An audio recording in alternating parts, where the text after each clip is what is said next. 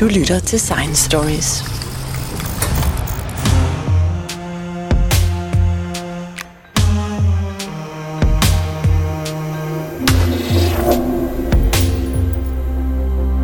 At få børn hører til blandt de største oplevelser i livet. Men lige som man skal til at føde sit barn, kan man blive overvældet af følelser og miste overblikket og kontrollen over sine egne reaktioner. Mellem 5 og 15 procent af alle fødende kvinder bliver ramt af en fødselsdepression eller anden psykisk sygdom. Det vil sige, at i Danmark udvikler 8-9.000 nybagte mødre en psykisk lidelse. Og det er ikke bare de fødende kvinder, som risikerer at blive ramt. Der er også 4-5.000 nybagte fædre, som får en fødselsdepression årligt. En af de forskere, som arbejder med at forstå, hvad der sker med fødende kvinder og deres mænd, er professor Trine Munk Olsen fra HOPE-projektet på Aarhus og Syddansk Universitet. Og professor Trine Munk Olsen, hvordan måler I graden af psykiske lidelser hos fødende? Jamen, vi måler graden på den måde, at det kommer jo an på, hvad vi leder efter. Vi kan, vi kan, vi kan måle det på forskellige måder. Vi, vi har i det mere alvorlige spektrum, har vi indlæggelser på psykiatrisk hospital, vi har indlæggelser eller kontakter til ambulatorier.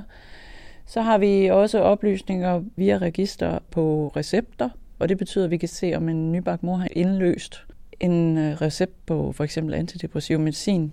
Når vi så er interesseret i at gå lidt mere i detaljer med symptomer, så kan vi måle på forskellige øh, andre parametre, og der bruger vi nu rigtig meget det, der hedder IPDS, og det bliver lidt nørdet, men det er en skala, der er specifikt udviklet til at screene for og identificere kvinder med fødselsdepressioner eller symptomer. Øh, og det er 10 spørgsmål. Der vil være mødre, der hører det her, der kan genkende til, at det er faktisk 10 spørgsmål, som sundhedsplejerskerne de spørger ind til når de kommer på besøg cirka 8 uger efter fødslen. Øh, så det er et standardiseret spørgeskema og valideret og bliver brugt i hele verden. Så på den måde rent forskningsmæssigt, så taler vi det samme sprog, når vi taler om depressionssymptomer efter en fødsel. Øh, det der med, at, at det er et schema, der bliver brugt øh, på tværs af landet. Men nu siger du depression. Er det kun depression, eller er der også andre psykiske lidelser? Vi ser sådan set på alle mulige måder, at Øh, Øh, kvinder debuterer med forskellige lidelser efterfølgende. Når vi ser på indlæggelserne, så er det depression, og det er, hvad der bliver beskrevet som sådan akutte stressreaktioner, svarende til lidt sådan en PTSD-reaktion, øh, og har oplevet en meget traumatisk fødsel, for eksempel. Vi ser også, at øh, kvinder bliver diagnosticeret med angst og depression, og skizofreni, bipolar sygdom, det, det, det er faktisk det hele. Så det er ikke, når man taler overordnet om efterfødselsreaktion, så dækker det faktisk meget mere end depressioner alene. Men hvordan kan det være? Altså, hvordan kan det være, at man bliver nedtrykt, deprimeret? Er der nogen årsagssammenhæng? Er det noget, man kan sige, at, at folk måske i forvejen har svært ved at overskue deres situation, eller, mm. eller hvad der er galt? Ja, Altså jeg tror, hvis jeg kunne svare på det, så sad jeg ikke her, så var jeg nok øh, afsted for at få min Nobelpris, fordi at, at vi ved det jo ikke helt. Vi har, vi har øh, en rigtig god fornemmelse af det. Vi, vi, vi, vi er klar over og kan se forskningsmæssigt, at der er nogle kvinder, som, nu taler jeg om møderne, men som har en indbygget sårbarhed for det at være gravid og føde, og det er nok udløst af den her voldsomme hormonelle rutsjebane, rutsjebanetur, som, som man er igennem lige der omkring fødselstidspunktet, og det kan være den udløsende faktor. Men det alene betyder nok ikke nødvendigvis, at man får en fødselsdepression eller anden øh, svær øh, efterfødselsreaktion. Der kan være noget øh, miljø. Altså den klassiske måde at studere psykiatri på er jo, at vi forholder os til gener og miljø, og der er, der er nok noget af det hele i det. Øh, så, men men vi, ikke, vi kan ikke specifikt sige, du har den her kombination, så det, du bliver syg. Øh, desværre er vi overhovedet ikke der, så, så vi har en idé om, hvad der driver den her risiko, men, men vi, vi er ikke i mål endnu med at, at, at kunne sige, hvorfor.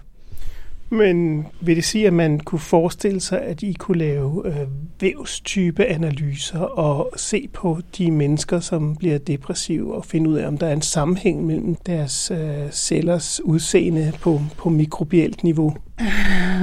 nu, nu er det uden for, hvad der er mit forskningsområde. Det, der tror jeg ikke, vi er. Øh, og der tror jeg heller ikke, vi kommer lige her nu. Jeg ved ikke, hvis jeg skal zoome ud og håbe på, hvor vi kan være om 10 år eller mere, så tror jeg ikke, vi er der. Jeg tror, vi godt kan nå til et stadie, hvor vi kan blive bedre til at forudsige, hvilke kvinder, der bliver syge. Og det er faktisk noget det, jeg selv arbejder på på det her HOPE-projekt, at vi prøver at udvikle nogle statistiske modeller, så vi på fødselstidspunktet kan have en indikation for, om man er en højrisikomor. Vi kommer aldrig til at kunne sige med sikkerhed, du får det, og du får det ikke. Men, men vi kommer til at kunne på papiret identificere en gruppe af kvinder, hvor vi siger, der er meget stor sandsynlighed for, at du får det. Og hvad skal vi så være opmærksom på nu? Jeg tror, det er det tætteste på, vi kommer. Men hvordan kan man gøre det? Er der, er der nogle bestemte parametre, som man kan sige, at den kvinde vil få det og det, fordi hun har gennemgået nogle ting tidligere i sit liv, eller måske øh, har nogle særlige problemer? Ja, altså, der er vi faktisk ret langt. Sådan i forskningssprog vil det hedde, at vi har identificeret risikofaktorer. Så vi har identificeret enkelte forhold eller en, enkelte faktorer, som betyder, at man på papiret har en øget risiko for at udvikle for eksempel en fødselsdepression. Det vi så gør nu, det er, at vi kombinerer de oplysninger, og vi kan se, at øh, kvinder, der tidligere har haft en depression, har en øget risiko for at få en fødselsdepression. Vi kan se, at, at kvinder, der har familiemedlem, der har, har psykisk lidelse, har også en øget risiko. Så kan vi se, at visse ting, der kan ske under graviditeten og i forbindelse med selve fødslen, også øger risikoen. Vi kan se, at, øh, og det er meget på ikke-danske studier, vi kan se for eksempel, at visse socioøkonomiske udfordringer kan øge risikoen. Vi kan se, at enlige møder nok har en øget risiko for at få fødselsdepression. Så alle, der er mange ting, vi kan pege på, der på papiret øger risikoen for at få for eksempel igen en fødselsdepression. Men det betyder bare stadigvæk ikke, at man er den, der får det. Og det er det, der er udfordringen i det her, hvis vi vil blive bedre til, at, at der er måske i journalen et, et rødt flag, der siger, her er en, en på papiret sårbar kommende mor. Og hvad med mændene? Altså, der er jo masser af mænd, der også får øh, både depressioner og andre lidelser. Ja, og det, det er jo så klart, der kan man så straks argumentere for, men der er jo ikke nødvendigvis den biologiske påvirkning af graviditeten og selve fødslen, men, men der kan jo være, at, at jeg, for mig er det ofte, at jeg skældner mellem, at her er det måske mere ude i, at vi er inde i at se nogle reaktioner svarende til traumatiske livsbegivenheder. At man sådan bliver helt grund i sin, rystet i sin grundvold i bund og grund. Og, og det ved vi godt, at det kan jo også udløse depressioner eller depressionssymptomer, når man, man er ude i en livskrise måske. Og, og jeg vil absolut ikke øh, negligere fædrene i det her.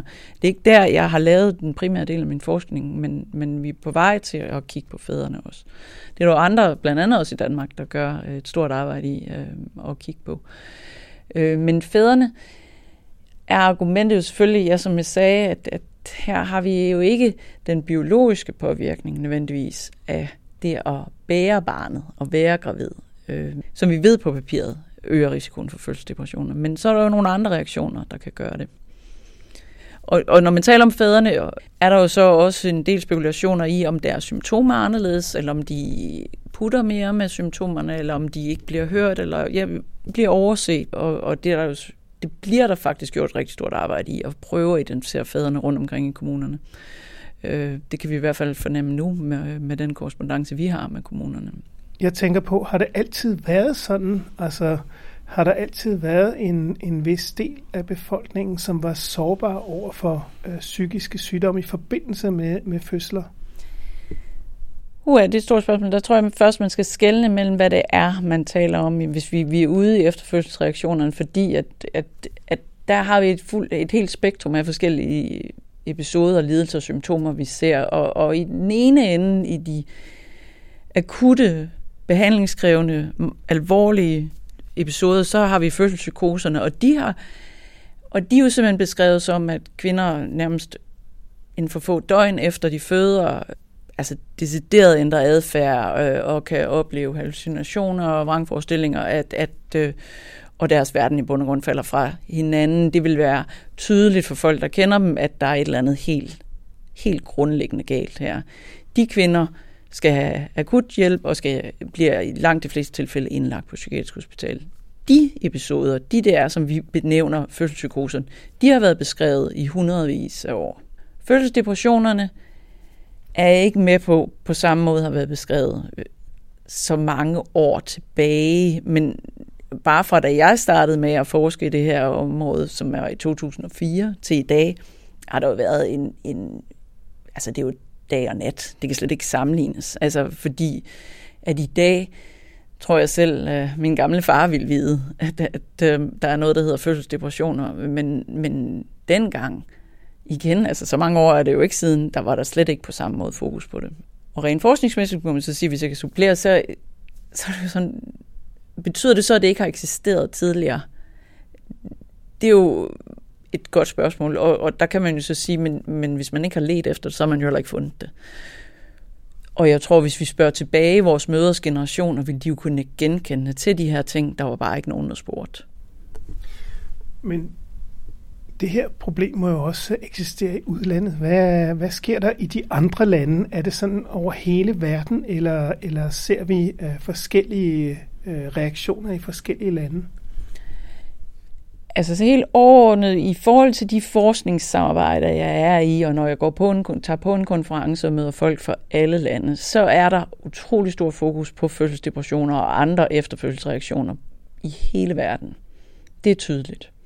Og heldigvis.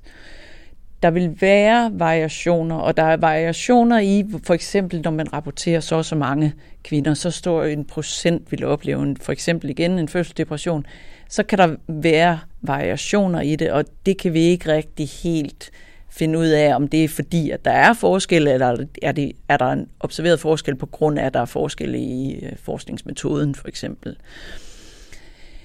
Det, der er og fylder, når det, vi zoomer uden for Danmark, eller kigger uden for Danmark, så er det jo, at, at for eksempel sådan et aspekt om, om barnets køn, er nævnt i visse lande som, at det kan have en indflydelse på mødres risiko for fødselsdepressioner. Og jeg skal straks ind, om jeg har aldrig studeret det i Danmark, men jeg tror ikke på det. Jeg tror simpelthen ikke, eller det er jo forkert at sige, jeg vil, jeg vil undre mig meget, hvis vi ser det samme i Danmark. Men, men selvfølgelig kan man jo godt forestille sig, at i visse lande, hvor det betyder utrolig meget at få den dreng, hvad er konsekvensen af så rent faktisk at få en pige? Om det kan udløse en reaktion, og det giver jo, nej, jeg ved ikke, om det, det vil være forkert at sige, at det giver mening, men man kan jo forstå reaktionen, så. Så der er variationer, når vi kigger på andre lande. Men historien er det samme. At nybagte møder, og til dels også fædre, er sårbare. Men hvad er det, der betyder mest for de reaktioner? Er det, er det følelsesmæssige indtryk? Er det miljøet, eller, eller er det de her hormonsvingninger, som man bliver udsat for? Det vil jeg gerne svare på, men jeg kan ikke. Altså, det, det er et godt svar. Øh, vi prøver jo på forskellige måder at gøre det. Det er jo ikke et ukendt fænomen, altså når, hvis man kigger på psykiatrien generelt, at vi ved, at øh, hvis vi kigger på skizofreni, øh, og så ved vi, at der er risikofaktorer for at udvikle skizofreni, og vi ved, at der er noget af det, der er genetisk, vi ved, at noget af det er miljømæssigt. Men at prøve at sortere fra, hvad der har været, det er nogle svære øvelser, men, men der er mange, der prøver, men jeg vil ikke kunne sige til dig, det er 40% miljø og 60% gener. Eller, eller omvendt. Jeg vil håbe, vi kunne på et tidspunkt. Men pointen er også, at vi skal også tænke over, hvad vi kan bruge det til. altså fordi, at nu skal du ikke misforstå mig, jeg vil jo argumentere for, at forskning er vigtig, men vi skal også forholde os til, hvad vi bruger forskningen til. Og det er nok egentlig det, der er, ligger mig meget på sinde lige for tiden. Det er jo, at, at hvis vi taler om risikofaktorer igen i min verden som forsker, så kan jeg identificere bestemte hændelser eller forhold, der øger risikoen igen for en fødselsdepression, men hvad er det, kan jeg gøre noget ved? Hvad kan ændres? Hvad kan jeg gå ind og intervenere på, inden det sker? Og kunne jeg så forestille mig, at den her kvinde ikke bliver deprimeret efter fødslen? Det er jo nogle store spørgsmål, og så, så vi, vi producerer noget viden, der er vigtigt. Ingen tvivl. Men jeg er faktisk nogen, der er lidt i tvivl, om vi kan bruge det til det, vi gerne vil jamen, hvad kan man gøre, og hvad gør man rent faktisk? Ja man gør utrolig meget, og, og, og det skal ikke lyde som en, en reklamespot, øh, et reklamespot for, for at bo i Danmark, men, men jeg tror på alle mulige måder kan jeg kun være taknemmelig for at bo i et land som Danmark. Det er jo sådan, at, at vi har en utrolig god svangeromsorg. Øh, vi kan sagtens diskutere, om den kunne være bedre. Vi har også et tilbud til alle nybagte forældre, møder, om at der kan komme en sundhedsplejerske i deres hjem, og langt, langt de fleste siger ja til det her er vi jo ude i at kunne sammenligne os med lande, hvor de her ting nærmest ikke eksisterer, og hvor man skal betale, hvis man vil have de ting. Så vi har, det jeg godt kan lide som forsker, hvis jeg så kan sige det, det er jo, at jeg kan jo sidde og sige, at her er en sårbar gruppe af kvinder. Dem skal vi passe særlig meget på. Og så behøver jeg ikke som det næste skridt at sige, nu skal alle møder have et besøg af en sundhedsplejerske, for det får de faktisk allerede. Så, så det, det er jo noget med, det jeg kan være med til at sige, det er, er der nogen, der skulle have et tidligere besøg, eller er der nogen, der skulle have et andet besøg, eller er der nogen her, hvor vi allerede i graviteten skal gå ind og begynde at spørge, hvem er der derhjemme, hvad kan man, hvem kan hjælpe dig, hvem kan aflaste dig, hvem kan være med til at holde øje med, hvordan du har det, øh, og alle de her ting, fordi man kan jo godt starte noget af det her arbejde i graviditeten. Og det bliver også rigtig meget gjort. Jordmøderne har utrolig stort fokus på særligt sårbare gravide, altså hvor vi også er ude i, at det er kvinder, der er deprimerede, når de bliver gravide. Og det er jo en anden problematik, vi er ude i her, at der, der, kan, vi, der kan vi være forberedte versus dem, hvor alt er godt, huset er købt, børneværelset er indrettet, og sengen er klar og ret med dyne, og alt er godt. De, og de, der er jo nogle af de møder, der bliver ramt, altså som virkelig som et lyn for en klar himmel. Og de kan være svære at forudsige, men der er nogle møder, vi godt ved, der på papiret per definition er ekstra sårbare, allerede på det tidspunkt, at øh, de bliver gravide.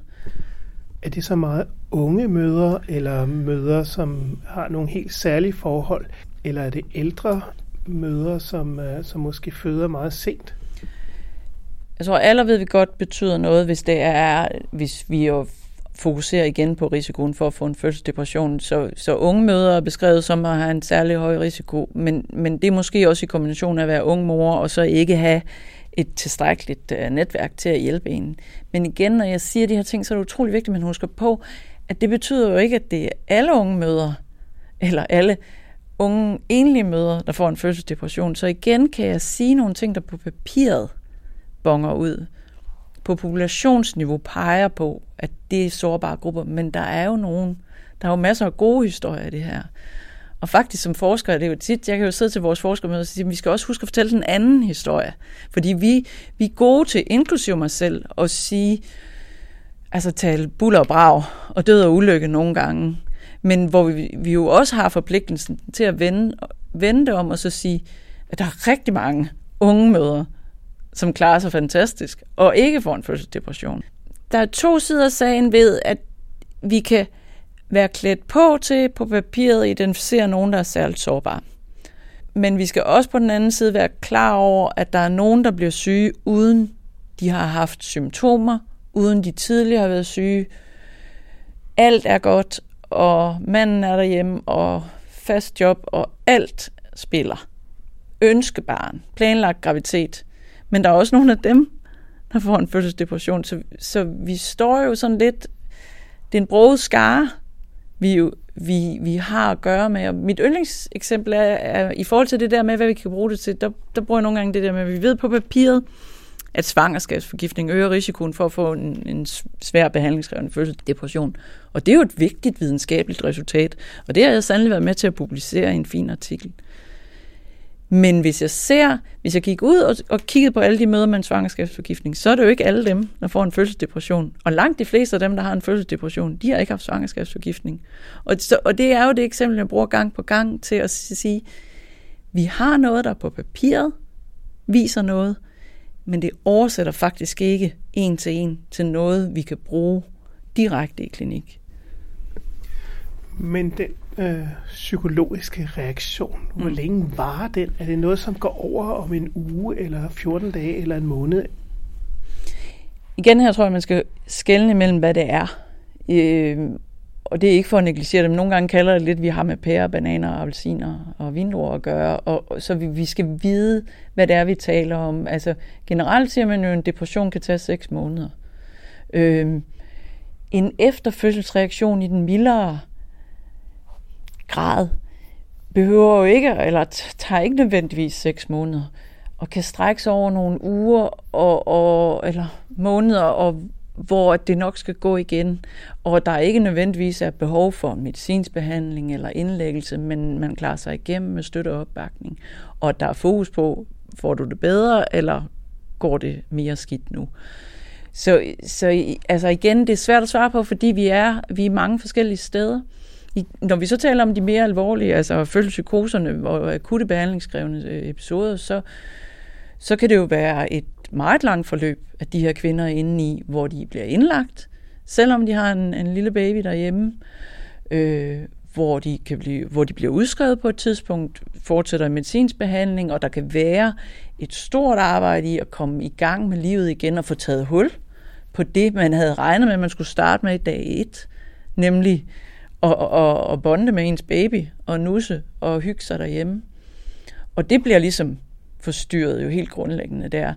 Og, så, og det er jo reelt behandlingsforløb, der kan tage flere, flere måneder, mange måneder, og, og nogle af kvinderne efterfølgende udvikler desværre et mere kronisk sygdomsforløb. Det kan vi jo også se. Øh, så de har brug for en helt anden form for hjælp. Vil det sige, at øh, når man først har fået en eller anden form for psykisk øh, lidelse, at, at så chancen for, at den kommer igen øh, relativt stor? Ja, det har vi faktisk kigget lidt på. Vi kan se, at hvis man har haft en episode, en behandlingskrævende episode, psykiatrisk episode efter første barn, så er det cirka 25 procent, der får det efter anden barn, blandt dem, der havde det første gang. Og blandt dem, der både så har haft det første og anden gang, så kan vi se, at 50 procent af dem vil have en behandlingskrævende episode efter tredje barn, hvis de ellers får tredje barn at på papiret så er risikoen størst efter første barn. Og det er faktisk en af de ting, der er ret tydelige i vores øh, studier og på tværs af mange lande. Det store spørgsmål er så, er det fordi, at man ikke får flere børn, hvis man har haft en svær behandlingskrævende efterfølgelsesreaktion efter første barn? Og det kan vi faktisk også se, det er en del af forklaringen. Man får simpelthen ikke barn nummer to. Sikkert fordi man ikke tør eller ikke kan overskue det. Jeg har forskningssamarbejde med folk øh, rundt omkring i verden, og nogle af dem, jeg arbejder tæt sammen med, har faktisk set, at øh, på papiret ser det ud som om, at der er nogle af de kvinder, der får en svær behandlingskrævende efterfølgelsesreaktion, som ikke bliver syge igen, undtagen hvis de får et barn mere. Og der taler man sådan om en isoleret sårbarhed for graviditet, fødsel. Og der må jo være et eller andet biologi, genetik i det, som gør, at jeg kan jeg har det fint og fantastisk, men det at føde, det, og det udløser simpelthen en psykisk sygdom hos mig. Men når problemet er så stort, gør man så noget for at udvikle en, en bedre behandling eller bedre forebyggelse? Er der noget, man kan gøre for at, at forbedre situationen? Altså i forhold til bedre behandling, så tror jeg, det er ret vigtigt at sige, indtil for forholdsvis nylig var det ikke sådan, at behandling af fødselsdepression var anderledes nødvendigvis end behandling af depression generelt. Og det, så, så der er mulighed for øh, medicinsk behandling eller psykolog, øh, terapiforløb, kognitiv terapi, svarende til, som det var en depression på andre tidspunkter. For nyligt er det sådan, at der faktisk er udviklet specifikt medicin, målrettet behandling af fødselsdepressioner. Hvis du spørger mig, så tror jeg faktisk ikke så meget på den, fordi at jeg er ikke forskningsmæssigt, mener jeg, at vi ikke er der, hvor vi kan sige, at det er to forskellige ting at have en fødselsdepression og en depression, i hvert fald i forhold til, om det skal behandles forskelligt. Der synes jeg ikke, at evidensen er der på nuværende tidspunkt, hvad jeg er bekendt med. Men, men i forhold til forebyggelsen, der kan man gøre noget, hvis man ved, at her har en mor, der er gravid anden gang efter første barn, der havde hun det rigtig svært. Og der går systemet også i gang. Det er mit klare indtryk. Hvis du går til jordmor gravid anden gang og siger, jeg havde en svær behandlingskrævende fødselsdepression efter første barn, så er du automatisk en del af sårbar gravid og særlig øh, fokus og, og klargøring til, hvad skal vi gøre, når du føder næste gang. Hvis man allerede er inde i noget medicinsk behandling, for eksempel på det tidspunkt, så er det der, man er i dialog med sin praktiserende læge, sin psykiater, hvor man siger, hvad skal vi gøre i forhold til den medicinske behandling, mens jeg er gravid, og når jeg har født. Så der er der en masse evidens faktisk, vil jeg sige, der støtter op om, hvordan man kan forberede sig til næste gang. Men det er hos dem, hvor vi ved, at de har haft det en gang tidligere. Men dem, der, hvor, vi, hvor det kommer som et lyn fra en klar himmel, det er utrolig svært at tale om forebyggelse der. Tak skal du have, professor Trine Munk Olsen. Selv tak. Tak fordi jeg måtte være med. Hvis du holder af historier om videnskab, kan du finde Science Stories hjemmeside på www.sciencestories.dk. Vi er på sociale medier som Facebook, Instagram, LinkedIn og Twitter. Du kan finde vores podcast på de fleste podcastudbydere som SoundCloud, Podimo, Spotify, og hvis du bruger Apple Podcast, må du meget gerne give os en rating og en kommentar, så andre også kan finde os. Programmet var støttet af Teknologipakten i serien Forskning fortalt af kvinder. Jeg hedder Jens Deget, og dette var Science Stories.